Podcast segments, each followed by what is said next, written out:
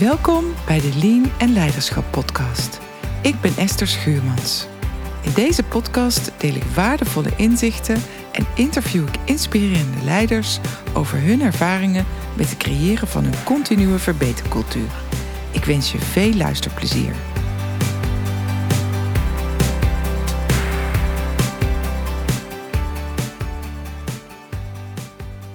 Welkom bij weer een uh, nieuwe aflevering. Ik zit hier met Carolien van der Plas. Uh, Carolien, wil jij jezelf even voorstellen? Ja, zeker Esther. Ja, ik ben Carolien van der Plas. Ik ben uh, algemeen bedrijfskundige van achtergrond. Ik heb 42 jaar uh, gewerkt in, in de industrie en in de logistiek. En ik ben begin dit jaar voor mezelf gestart en heb mijn eigen bedrijfje Samen Effect opgericht. wat ik doe is dat ik organisaties ondersteun en adviseer op het gebied van continu verbeteren. Een zeer leuk, fascinerend onderwerp. Ja, en daar kennen wij elkaar ook van, hè?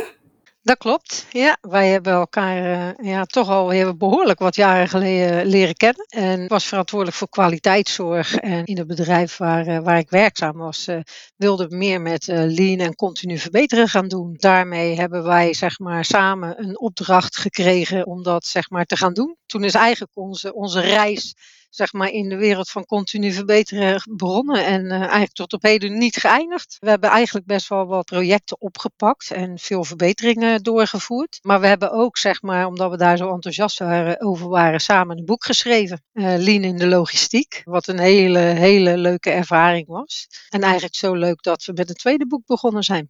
Ja, dat is nog helemaal vers van de pers, hè? Dat is nog helemaal inderdaad... splinternieuw. Maar ik ben er wel enthousiast over. Het zal best wel even weer een tijdje in beslag nemen, want we zijn best wel uh, heel kritisch, zeg maar. Het boek moet ook goed zijn om op de plank te komen. Maar het is sowieso leuk om te doen. Je hebt twee verschillende personen met ook heel veel kennis op het gebied van uh, continu verbeteren.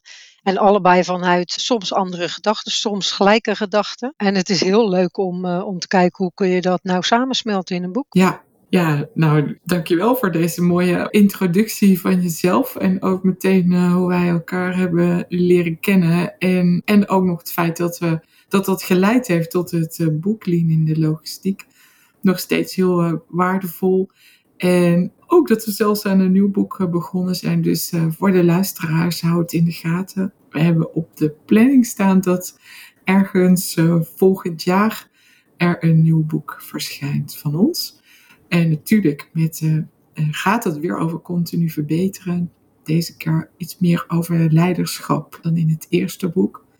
En misschien is het wel uh, leuk om nog even wat um, over dat boek te vertellen en onze aanpak, want die hanteren wij nog steeds. En, maar niet voordat ik gezegd heb, Caroline, dat ik het heel leuk vind dat je, dat je meedoet aan deze podcast. En ja, dat ik het geweldig vind om met jou ook een, een podcast neer te zetten. Dus alvast uh, dank daarvoor. Dan iets meer over ons boek, wat in 2017 uitkwam. De titel Lean in de logistiek. En dat bestond uit drie delen. eerste deel de theorie.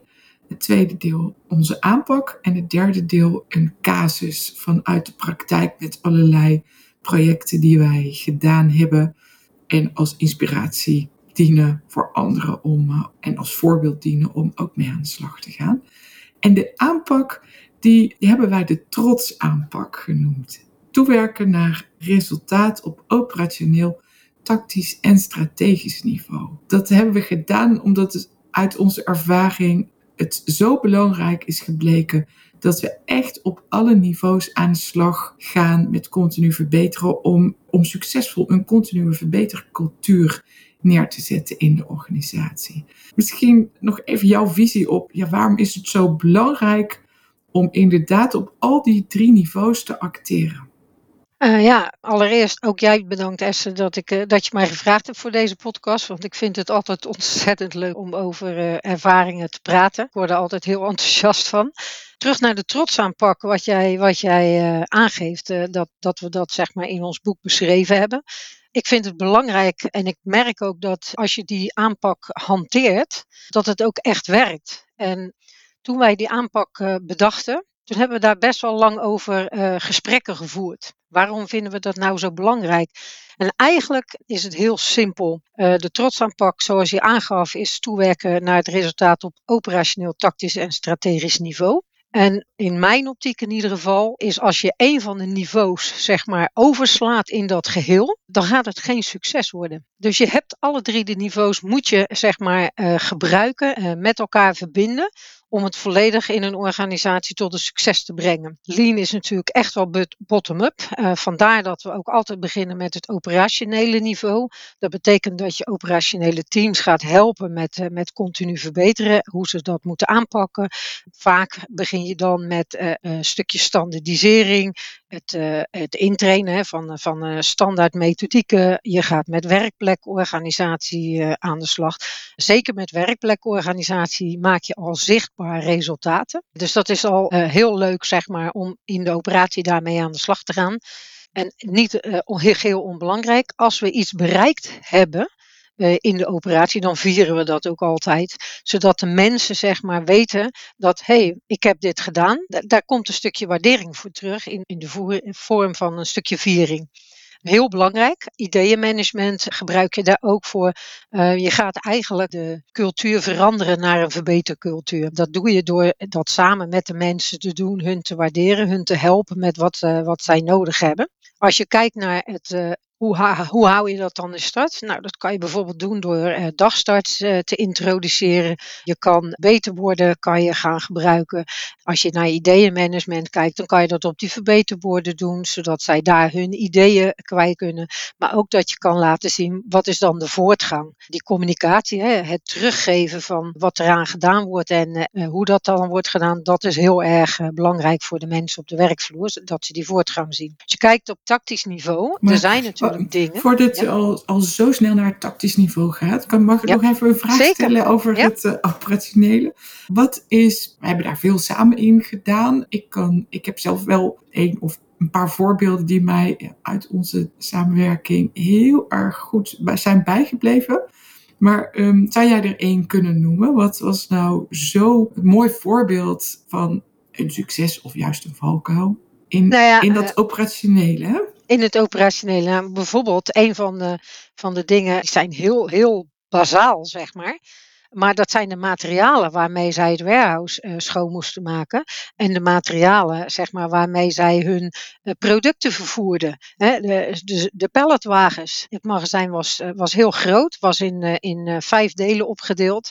En wat er gebeurde, eh, daar, daar werkten verschillende teams. En wat die teams dus deden, uh, is hun palletwagen aan een ketting op slot zetten. Ergens aan een metalen buis of aan een trap. Omdat ze anders bang waren dat ze hem kwijtraakten. Want iemand haalde hem, pakte hem dan mee gebruikten hem en zetten hem gewoon weer ergens anders weg. En door, dat is gewoon dat ook 5S zeg maar, te doen en parkeerplekken voor die palletwagens en voldoende palletwagens zeg maar te faciliteren, was dat op een gegeven moment helemaal niet meer nodig. En dat is echt wel heel snel gegaan, want als je kijkt naar een half jaar of zo, kon men er gewoon om lachen en konden ze zich niet meer indenken hoe het voorheen was. Uh, en dat was, ja, dat is zo'n zo'n voorbeeld dat ik zeg, nou, dat vergeet ik van mijn leven niet meer.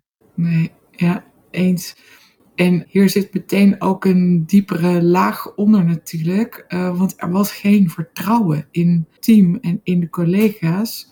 Dat, dat de spullen beschikbaar waren om het werk gewoon goed te doen. En vertrouwen is toch de basis om goede teamresultaten neer te zetten. Dus wij zeggen altijd, Lean is geen uh, gereedschapskist. En we kunnen de 5S noemen als methodiek om, om op operationeel niveau aan de slag te gaan. Maar uh, dat raakt meteen een diepere laag. Dus als je dat op de goede manier doet en juist ook op dat vertrouwen bouwt, dan heeft het ook structureel impact. Hè? Dus ik wil ook wel even benadrukken dat, dat het meer is dan alleen maar eventjes die, uh, die stappen te doen. Zeker, helemaal, helemaal gelijk in. Hè? Dat is ook waarom ik zei, je gaat met teams aan de slag op de werkvloer. Dus je betrekt mensen, je creëert betrokkenheid. Maar je maakt ze allemaal ook, zeg maar, deelgenoot uh, van de keuzes die je maakt. Hè? Uh, hoeveel wagens hebben we nodig? Waar gaan we ze zetten? En hoe zorgen we dan dat ze daar allemaal teruggezet worden? En doordat je met hun door dat proces gaat, ga je de cultuur veranderen. En dat heeft alles te maken met vertrouwen. Want als het vertrouwen er niet is, heeft het geen kans van slagen. Maar doordat je hun deelgenoot maakt en hun uh, meeneemt in het, in het besluitvormingsproces, om het zo maar te zeggen, en de keuzes die je maakt, gaan zij zich veel meer eigenaar voelen van, van het geheel. Maar dat creëert dus ook vertrouwen. Want je zag op een gegeven moment dat uh, mensen ook tegen elkaar gingen zeggen: gewoon, waar, waarom heb je hem nou niet teruggezet op de parkeerplaats? Terwijl ze dat voorheen nooit zouden doen. Ja, dus het, uh, het, uh, het helpt in de samenwerking, in de team spirit. Ja. En, en, als ik hem even pak naar de, naar de verspillingen die, er, die we zoveel zien. En dan een hele belangrijke daarin de onbenutte creativiteit. Als ik het op de menskant houd, dan hadden we ook zo'n mooi voorbeeld. Doordat wij met die werkplekorganisatie aan de slag waren, stimuleerde dat de mensen om zelf uh, stappen te nemen. Ja. En ik kan een heel mooi voorbeeld herinneren van een, een groot gebied wat nodig was. Was al iets van 40 vierkante meter nodig uh, als probleemhoek. Ja, en klopt. die producten die stonden daar wel drie weken, soms of misschien nog wel langer. Doordat ze met de werkplekorganisatie bezig uh, waren, hadden de mensen zelf het idee, hey, dit zou toch anders moeten. En zijn in contact gegaan met de leveranciers en de klant. En dus dat moest ook echt extern, moesten de contacten gezocht worden. Maar door die samenwerking te zoeken, was het gelukt om de plek naar 8 vierkante meter te, terug te brengen. En de meeste producten stonden er niet langer dan een dag. En maximaal stond er wel eens iets drie dagen. Ja, en dat, dat was, klopt. En dat was een hele mooie bijvangst, zonder dat we daarop aan het sturen waren toen nog. Van het eigenaarschap wat ontstaat in het enthousiasme om zelf in eigen regie te gaan uh, verbeteren. Dus het helpt heel erg om regie neer te leggen bij de mensen die het werk ja, dat is, dat is gewoon heel erg belangrijk. Leg verantwoordelijkheid zo laag mogelijk. Maar zorg wel dat ze die verantwoordelijkheid op de goede manier kunnen inzetten en gebruiken. En dat is ook wat ik in het begin zei. Als je die drie niveaus niet hebt, die heb je nodig, zeg maar, om dat uiteindelijk te kunnen doen. Om die verantwoordelijkheid laag te leggen, om ze te faciliteren en om, zeg maar, hun ja, daarin te helpen. Ja. Ja. Ja. Heb je ook een voorbeeld van een valkuil of van een les die we toen Ja, geleerd nou, zeker. Dat was niet in de tijd dat wij samen zeg maar, optrokken. Maar wat ik wel zeg maar, bij, bij organisaties heb meegemaakt, dat ze met 5S aan de slag gingen. Dat ze daar eigenlijk helemaal in doorsloegen. En dat ik uh, op een gegeven moment was een bedrijf, wat ik, een van de bedrijven van de organisatie waar ik werkte, daar kwam ik en iemand had zijn bureau helemaal met uh, afgezette uh, gebiedjes zeg maar gedaan. Dus die had een, een vakje gemaakt voor zijn niet-machientje en een vakje gemaakt voor, hoe noem je dat, voor die gaatjes, voor zijn perforator en zo meer. Ja, weet je, dan, dan sla je wel heel erg door. Dat is echt met werkplekorganisatie niet, niet wat we bedoelen. En dat is wel een valkuil. Ik heb wel ervaren door de jaren heen, als je mensen enthousiasmeert meert in, uh, in Lean en, uh, en 5S bijvoorbeeld, moet je ook zorgen zeg maar, dat ze realistisch blijven. Dus ik zorg altijd dat ik wel dat wel, dat heb ik geleerd, om dat mee te nemen in de trainingen die ik geef. Omdat als je te ver doorgaat, creëer je eigenlijk ook weer een soort verspilling. En uh, ja. ja. dat is wel een valkuil om daar bewust van te zijn dat als mensen zeg maar zo enthousiast zijn, dat ze daar te ver in, uh, in doordraven. Ja, en nog eentje die mij tot op de dag van vandaag altijd meeneemt, is de beschikbaarheid van ondersteunende diensten. Dus als je beweging wilt maken, mensen komen met goede ideeën en je hebt daar of een facilitaire dienst voor nodig of een IT-afdeling zorg dat, dat die beschikbaar zijn om goede ideeën meteen tot resultaat te maken. Ja, Want ja. soms kunnen mensen het niet alleen. Eigenlijk heb je deze twee afdelingen altijd wel nodig om, uh, om echt slagen te maken. En dat kun je aan de voorkant uh, regelen. Ja, dat klopt. Dus dat het is is, uh, een vaak, denkt, vaak denkt men dat, dat het een operationeel eh, een operatieding is. Maar het faciliteren is ook belangrijk in ondersteunende diensten die je op bepaalde vlakken nodig hebt. En, inderdaad facilitair, maar ook IT. Vaak ook technische dienst. Uh, zijn echt wel zeg maar, afdelingen die je, wil je dat echt door gaan voeren, ook echt nodig hebt. Want anders loopt, loopt de operatie vast in hun ideeën en dat kan niet. Je zult ook zien als je, dat, als je die afdelingen er ook bij uh, betrekt, dat je, dat je veel meer samenwerking krijgt in plaats van dat je eigenlijk ja, eilandjes of ja, weinig betrokkenheid creëert, zodat die afdeling denkt van ja, dat is niet mijn ding, dat is niet mijn uh, verantwoordelijkheid.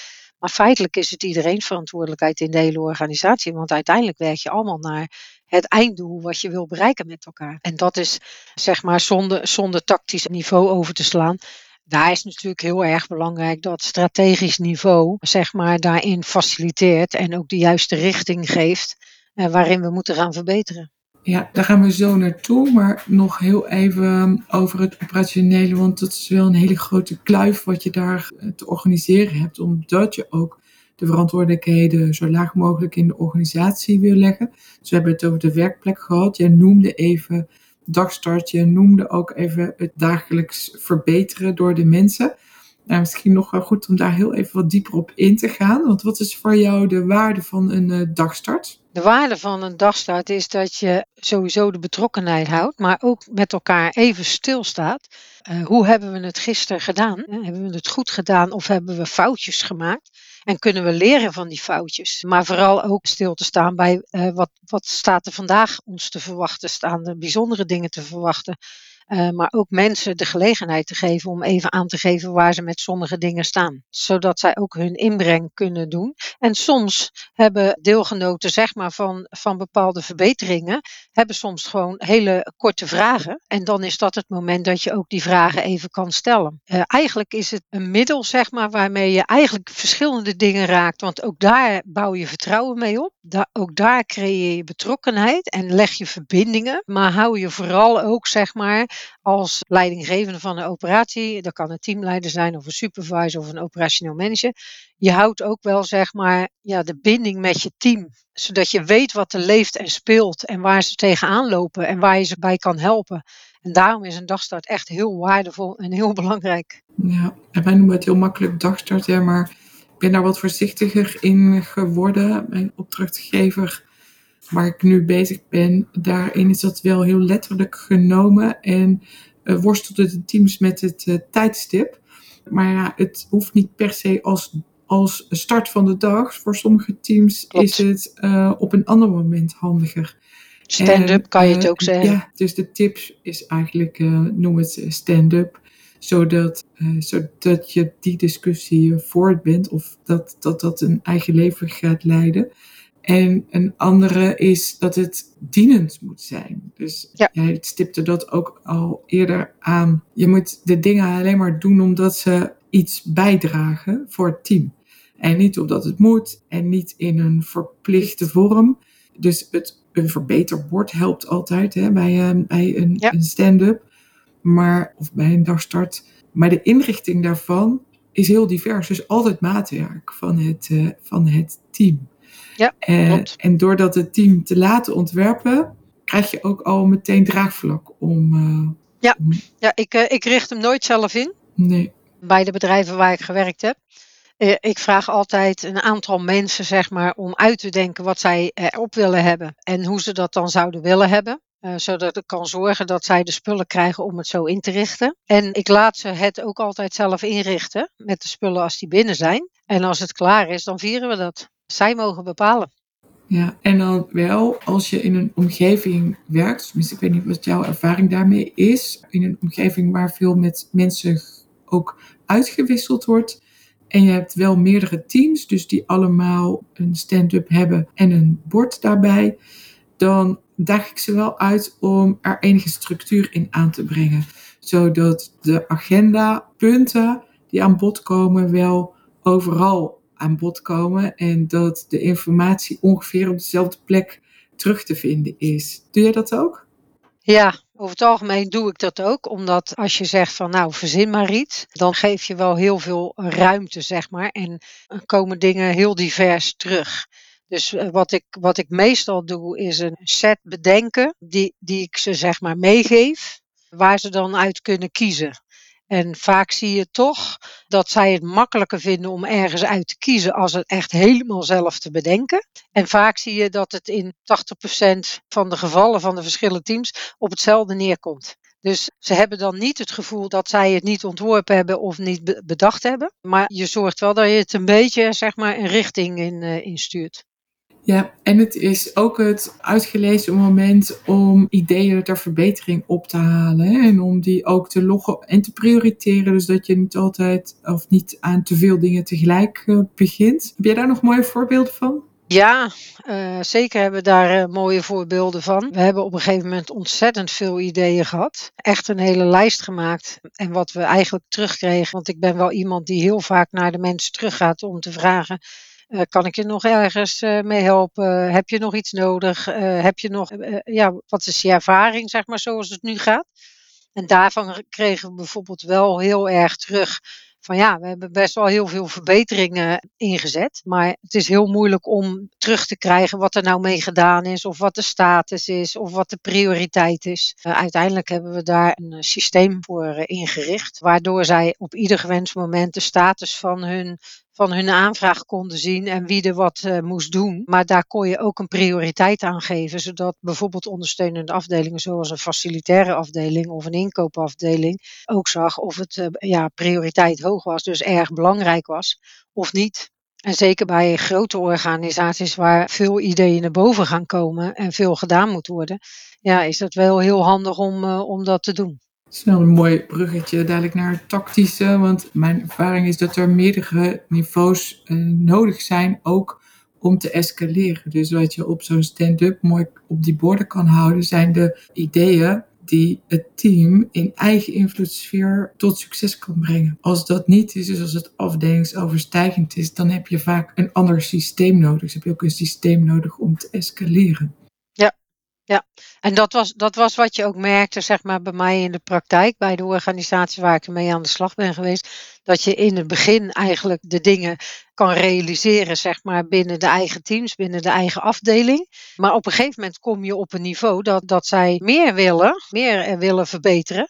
Waarbij je inderdaad dan die andere afdelingen nodig hebt. En dan wordt het lastig om dat goed werkbaar te houden. Ja, en hier raak je ook nog een mooi punt dat zij meer willen. Die gaat ook over mensen ontwikkelen en samen leren verbeteren. Hè? Zoals we net beschreven hebben, dat hele traject op de operationele omgeving of in de operationele omgeving is heel mooi om het fundament neer te leggen, om de basis neer te leggen en om mensen voorspellingen te leren zien en om mensen uh, samen te leren verbeteren. Ja. En, uh, maar daarmee heb je nog niet het tactische niveau meegenomen. Dus daar is nog wel wat anders nodig. En dan hebben we het meer over de lean in projecten. Nou, zullen we daar eens wat over vertellen? Wat is er wat jou betreft nodig als je het op tactisch niveau goed wilt inregelen? Nou ja, in ieder geval zeg maar dat je eh, mensen hebt die eh, deelnemen aan het project. En dat is vaak afdelingsoverstijgend. Als je naar een lean-organisatie toe wil, ga je vaak zeg maar ook in je organisatie je structuur veranderen. Want je gaat veel meer procesgericht denken. Dus je moet een kanteling gaan maken, zeg maar, waarbij je vroeger echt, uh, zeg maar, die, die kolommen had, hè, inkoop, verkoop, technische dienst, noem maar op. Uh, moet je dat gaan kantelen, uh, kwartslag draaien en denken in processen. Waarbij gewoon proceseigenaren zitten, zoals een technische dienst en een inkoop en eventueel engineering, technische dienst. En met name in bedrijven waar ik gewerkt heb, als je bijvoorbeeld ja, met automatisering te maken hebt, hè, waar mensen mensen zeggen van ja, weet je, wij moeten dit doen en zus doen. Automatisering. Nou ja, goed, Esther, wij hebben samen een heel mooi project gedaan op uh, inkomende goederenstroom. Waar we zeg maar, dat, die casus hebben we ook in ons boekje beschreven. Wat eigenlijk wel een, best wel een project is, wat gewoon op tactisch niveau beetgepakt is. Want daar waren engineers, uh, de operationeel manager was betrokken, heel uh, facilitair technische dienst. Want er moest van alles geregeld worden, inkoop was bij betrokken. Het is wel heel succesvol doorgevoerd in aanzienlijke korte tijd. En dan zie je wat de kracht is als je dat op tactisch niveau goed doet met elkaar. Ja, wat jij heel mooi zegt, is je hebt gewoon dan alle betrokkenen die een rol spelen in zo'n proces heb je nodig. En het werkt ook alleen maar als je het proces goed afbakent, maar ook wel groot genoeg maakt om die hele stroom te pakken. Dus het ging dit op inkomende goederen. Dat was niet alleen maar het stukje werkvoorbereiding, maar dat was echt van binnenkomst tot aan dat de producten in voorraad lagen. Ja. En korter had ook niet gekund, want dan ga je suboptimaliseren. Ja. Ja, en daarom hebben we toen het advies gegeven om dit als een project op te pakken. Ja, dat is uiteindelijk ook gedaan, zeg maar. En uh, ja, dat was echt uh, succesvol geïmplementeerd. En, en de mensen op de werkvloer waren zo blij met die ontwikkelingen, want die hadden allemaal kleine, versnipperde frustraties. Er zat heel veel verspilling daar in die processen. Ja, dat was best wel een, uh, een hele goeie. Daarom is het zo belangrijk om op tactisch niveau, zeg maar, de zaken die aangegeven worden goed na te denken bij uh, verbeterideeën die aangedragen of waar mensen tegenaan lopen om dat te doen. Daarom is het ook belangrijk, en dat is niet alleen voor tactisch niveau, maar ook voor strategisch niveau, om uh, bijvoorbeeld een Gemba walk te doen. Omdat je hebt contact dan met de mensen, maar je kan, uh, doordat je boven het proces hangt, kan je veel makkelijker eruit halen. Kan ik dit als een klein verbeteridee laten uitvoeren? Of moeten we dit echt, zeg maar, groter aanpakken vanuit die helikopterview? En als het antwoord is ja, dat moeten we vanuit een groter uh, geheel pakken om suboptimalisatie te voorkomen, dan wordt het tactisch niveau waar dat project terecht gaat komen. Ja, want jij noemt het, het mooie voorbeeld dat wij toen samen hebben gedaan, of een van de processen die we samen hebben gedaan toen. Um, wat daar ook heel waardevol was, is dat we videoopnames hebben gemaakt. Wij hebben niet alleen de waardestroom in kaart gebracht in een value stream map, maar wij hebben ook heel veel onderbouwd met videomateriaal, zodat we het ook echt terug konden laten zien. Ik kan me herinneren dat dat ook heel waardevol is geweest. Eigenlijk uh, toen we uh, zeg maar een hele grote groep mensen van uh, teamleider tot en met directie aan tafel hadden, zeg maar en we onze presentatie uh, gaven. Wat ondersteund werd door videobeelden die we eruit hadden gehaald, zaten heel veel van die mensen zaten gewoon met een open mond en die zeiden: Het klopt wat je laat zien. Nu zien we het van een heel andere kant, nu je dit zo laat zien. En wij hebben dit eigenlijk nooit beseft. En dat is, en dat is ook logisch, uh, want dat kun je de mensen ook niet kwalijk nemen, want zij zitten dagelijks in dat proces eigenlijk zijn zij een beetje bedrijfsblind daarvoor geworden. En dat is ook weer een stukje kracht als je zo'n Gemba walk doet of met andere mensen. Of we hebben bijvoorbeeld op een gegeven moment ook 5S-rondes gedaan. En dat deden we over de teams uh, schakelen. Dus je mocht niet je eigen afdeling, zeg maar, auditeren. Maar je moest een andere afdeling. Gewoon puur om te zorgen dat je geen last hebt van die bedrijfsblindheid. En dat je kritisch kan zijn naar je collega's op een positieve manier. En dat is wat, uh, wat er gebeurde uh, met die filmpjes. Dus het is echt heel goed dat we dat gedaan hebben. Ja, ja. ja en ja, je noemt al bedrijfsblind als je erin zit. Dus, maar als je dan echt met een helikopterview gaat kijken, je maakt daar tijd voor, dan kun je het ook nog wel zien. Maar er was nog iets anders belangrijks voor nodig is en dat we het konden onderbouwen met data. Ja, dus dat is het andere ja. belangrijke wat je nodig hebt om niet op onderbuikgevoel besluiten te nemen, maar dat je ook dingen meet. Hè? Dus... Ja, ja, maar dat is sowieso belangrijk, want uh, je kunt iets laten zien. Vroeger deed, deed je een presentatie en dan gaf je aan wat je ervan vond. Nu onderbouw je het zowel visueel hè, met beeldmateriaal, dus je laat zien wat gebeurt er. En daarnaast onderbouw je het inderdaad met data van dit is wat er daadwerkelijk gebeurt. Die doorlooptijd is zo extreem lang. En die twee samen, dat was gewoon heel sterk. Dus als je dat op die manier aanvliegt, ja, dan kan je niet anders als akkoord krijgen om daar iets aan te doen. Ja, leuk. Heb jij nog een valkuil daarin?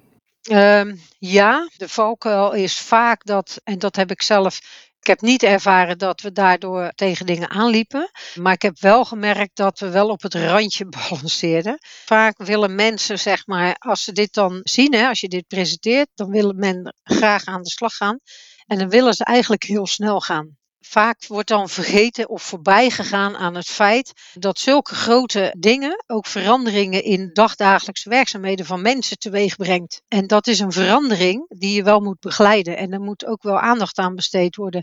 Niet iedereen die dan in zo'n project zit of die besluitvormer is, staat daarbij stil. Dat je daar ook toch wel tijd voor moet geven aan de mensen om uh, die verandering te kunnen adapteren en verwerken, zeg maar, om uiteindelijk naar die nieuwe situatie toe te gaan. Speelde dan ook nog dat mensen daarmee dachten dat ze het voorheen slecht deden, of speelt dat niet?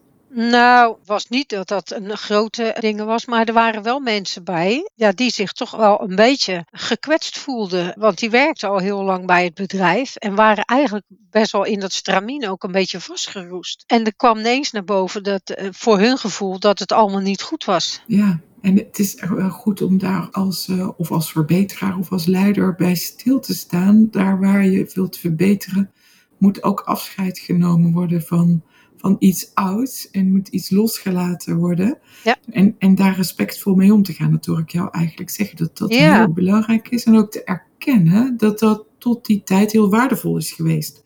Alleen Zeker. dat het niet meer voldoet. Dus dat je met elkaar wil kijken hoe het anders kan. En ook de boodschap dat het niet aan de mensen ligt, maar dat het in het organiseren, dus in het proces zit.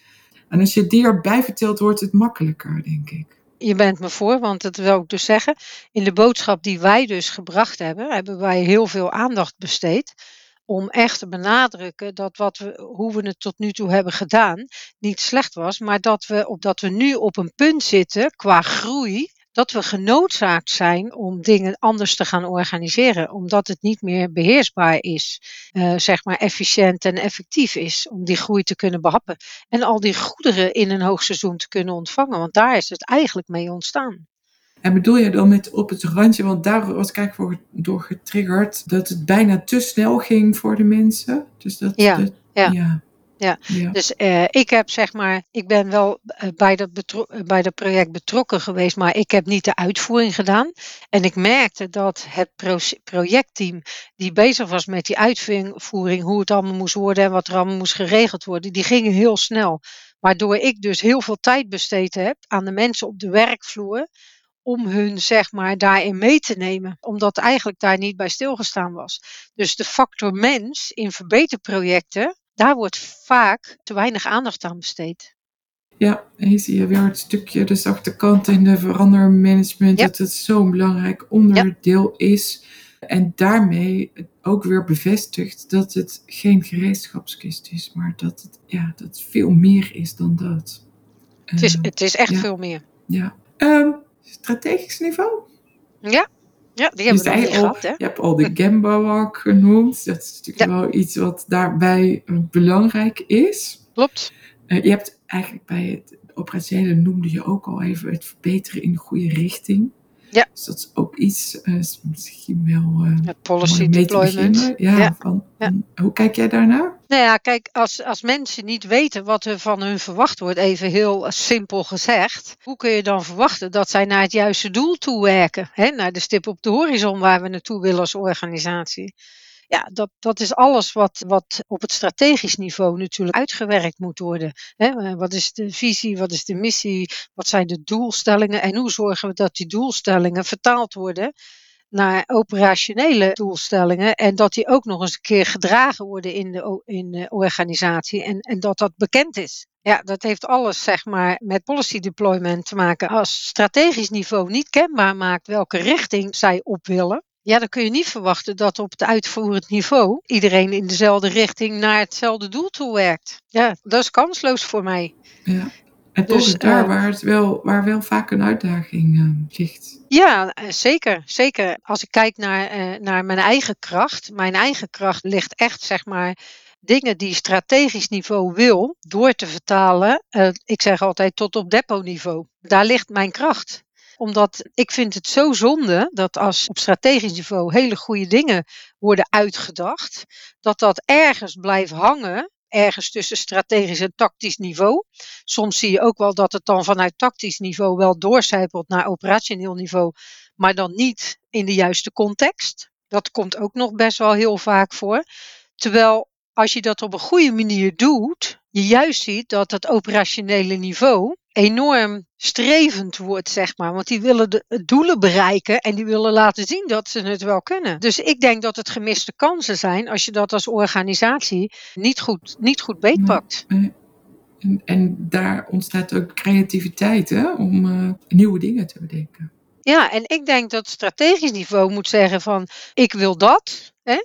Dus eh, die moet aangeven wat ze willen. En zij moeten de vraag stellen aan, aan tactisch en operationeel niveau. Hoe gaan we dat dan doen? En wat hebben jullie nodig? Ja. Dus zeg wat je wil en het hoe laat je over. En dan vraag je wel hoe dat je ze het beste kan faciliteren. Ja. ja. ja. ja. want dat is belangrijk. En loop jij wel eens tegenaan dat er perverse prikkels zijn? Dus dat de doelstellingen tegenstrijdig zijn. Bijvoorbeeld inkoop heeft een inkoopdoelstelling en dat heeft heel erg negatief effect op de kwaliteit van de spullen waar de operatie uh, het mee te doen heeft, bijvoorbeeld. Ja. Ja, nou heb ik dat bij uh, niet zo heel veel bedrijven tegengekomen, want uh, inkoop is een vakgebied wat ik bij redelijk wat organisaties in mijn portfolio had. Waarbij ik zeg maar altijd de doelstelling had dat alles wat wij met de afdeling inkoop deden, dat dat zeg maar in lijn moet liggen met het hoger gestelde doel. Maar ik heb wel de ervaring bij andere bedrijven waar ik ook wel eens opdrachten deed, dat dat wel tegenstrijdig is. Ja, ja. Want, uh, maar een voorbeeld, maar inderdaad, ja, het is Want die krijgen de doelstelling om zo goedkoop mogelijk bijvoorbeeld in te kopen. Als je dan kijkt naar de technische dienst, die zeggen dan ja, we moeten die goedkope rommel niet nemen, want dat werkt allemaal niet. Want ik ben nu drie keer de machine aan het repareren. In plaats van dat ik het maar één keer uh, zou doen als we het goede materiaal hadden besteld. Dat is uh, zeg maar wat, wat vaak in organisaties gebeurt. En ik zeg altijd, eigenlijk is dat een verborgen fabriek. Dat zijn, dat zijn niet de juiste keuzes. Nee, en het hoeft niet alleen op inkoop, maar je kan ook bijvoorbeeld hebben maximale uh, focus op produceren, productie, productie, productie. Maar daarmee wordt er geen tijd meer voor preventief onderhoud aan de machines vrijgemaakt. En heb je uiteindelijk hogere kosten omdat je machines versleten zijn. Of omdat je heel veel storingen gaat krijgen. Ja. Dus dat zijn ook van die, van die tegenstrijdige doelstellingen waar het eigenlijk niet heel goed samenwerkt. En wat voor heel veel grote problemen kan leiden. Wat je te bewaken hebt in dat strategische stuk met je visie en je strategie aanpak. Ja, dat klopt. Vaak zijn dat, en dat is denk ik wat, wat bij veel bedrijven ook wel de moeilijkheid is, is dat eigenlijk denk je dan vanuit een operationele invalshoek, maar je, je, je doet dat vanuit strategisch eh, niveau. Je ziet dat vaak daar te weinig aandacht wordt besteed. Want als jij op strategisch niveau je functie uitoefent, dan ben je een heel andere denker als dat je op operationeel eh, niveau bent. Dan, dat betekent dat jouw tussenlaag, jouw tactisch niveau, dat daar de juiste mensen moeten uh, zitten, zeg maar, die kunnen zorgen dat dat goed tot z'n recht komt. En dat is best moeilijk. Ja. Heb je ook een heel mooi voorbeeld van hoe het, hoe het heel goed is neergezet op strategisch niveau? Wij kunnen altijd heel makkelijk zeggen wat er beter moet en wat er anders moet en wat er niet goed is. Maar... Ja, nou goed, bij, bij een van de bedrijven waar ik gewerkt heb, en daar heb ik twaalf jaar uh, gewerkt, uh, vond ik echt wel dat dat goed gedaan werd. Zeker de eerste jaren, later werd het enorm groot. Maar zeker het grootste eh, deel van de tijd dat ik daar gewerkt heb, merk je dat op strategisch niveau, als daar iets was, dat daar eigenlijk tactisch niveau, maar ook een deel operationeel niveau bij elkaar gezet werd. En dat het probleem daar neergelegd werd en uh, gezegd werd, ja jongens, wat willen jullie nou eigenlijk? En hoe willen jullie dat? Want dit is wat we moeten gaan bereiken. Maar zeg het maar. Ja, uh, daar heb ik enorm van genoten. Om dat mee te maken, dat dat mogelijk gemaakt werd. En ik vind dat heel knap. En ik denk dat dat ook wel bijgedragen heeft zeg maar, tot het succes van de organisatie ja, uh, wat het nu is. Mooi. Ja, en ik heb best wel bij een aantal bedrijven gewerkt. Maar ik denk nog altijd met heel veel plezier daaraan terug. Omdat dat best wel een, uh, ja, voor mij bijzonder was als ik mijn hele carrière even de revue laat passeren. Dat heb ik uh, zelden meegemaakt. Ja, mooi. En, en je noemt meteen in het voorbeeld ook alweer de verbinding. Want helemaal in het begin van, uh, van deze podcast heb jij genoemd de verbinding tussen operationeel, tactisch en strategisch niveau. Dat die zo belangrijk is. En eigenlijk met de laatste vraag over een mooi voorbeeld hè, van, van een ervaring hoe het succesvol is neergezet. Is dit wat je, waarmee je als eerste komt? Als er problemen zijn, worden alle niveaus bij elkaar gebracht om het probleem op te lossen. Dus nou, we hebben eigenlijk het cirkeltje mooi rondgemaakt. Ja, toch? ja, het, het kan niet anders. nee, nee. Um, dus ja, en ik, ik denk ook dat de, het woord verbinding is daarin een, uh, in belangrijk, uh, een belangrijke. Dus het verbinden van de mensen in het zowel het probleem oplossen, maar ook in het, eh, de visie. Dus wat ga je doen, ieder op jouw niveau, om daaraan bij te dragen. En escalatie terug, waar loop je tegenaan en hoe hebben we dat te verbeteren. Dus het, het nou, ik zou bijna zeggen toverwoord, maar het is geen toverwoord. de verbinding van de mensen op die lagen in het steeds maar weer verbeteren, dat is wel een hele belangrijke. ja, het is het meest essentiële in een organisatie om succesvol te, te zijn. Ja, ik, uh, ik wil langzaam naar een afronding uh, gaan. Zijn er nog dingen die gezegd moeten worden, die nog niet gezegd zijn, wat jou betreft? Ja, ik, kijk, wat ik altijd aangeef is, uh, als je een dag niet met Lien aan de slag bent geweest, voor mijn gevoel, heb je een dag niet geleefd uh, of niet gelachen. Uh, want het, het is zo leuk om te doen. En, en eigenlijk is het niet zo moeilijk als dat mensen denken. Want het is gewoon doen. Doen en ermee aan de slag gaan. het is leren. Leren en ontwikkelen. Ik zeg, ga gewoon ermee aan de slag en leer verspillingen zien en ga, en ga er iets mee doen. Dat is het mooiste wat er is. Ja, en experimenteren hoor ik jou zeggen. Ja. Ja. ja. Okay. ja. Dat is uh, meteen een mooie tip om mee af te sluiten. Ja, zeker. Ja.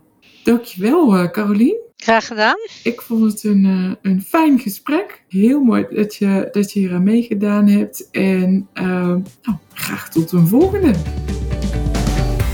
Je luisterde naar een aflevering van de Lean en Leiderschap podcast. Ik ben heel benieuwd wat je ervan vond. Ben je enthousiast? Abonneer je dan op deze podcast. Ken je iemand voor wie deze podcast ook interessant is?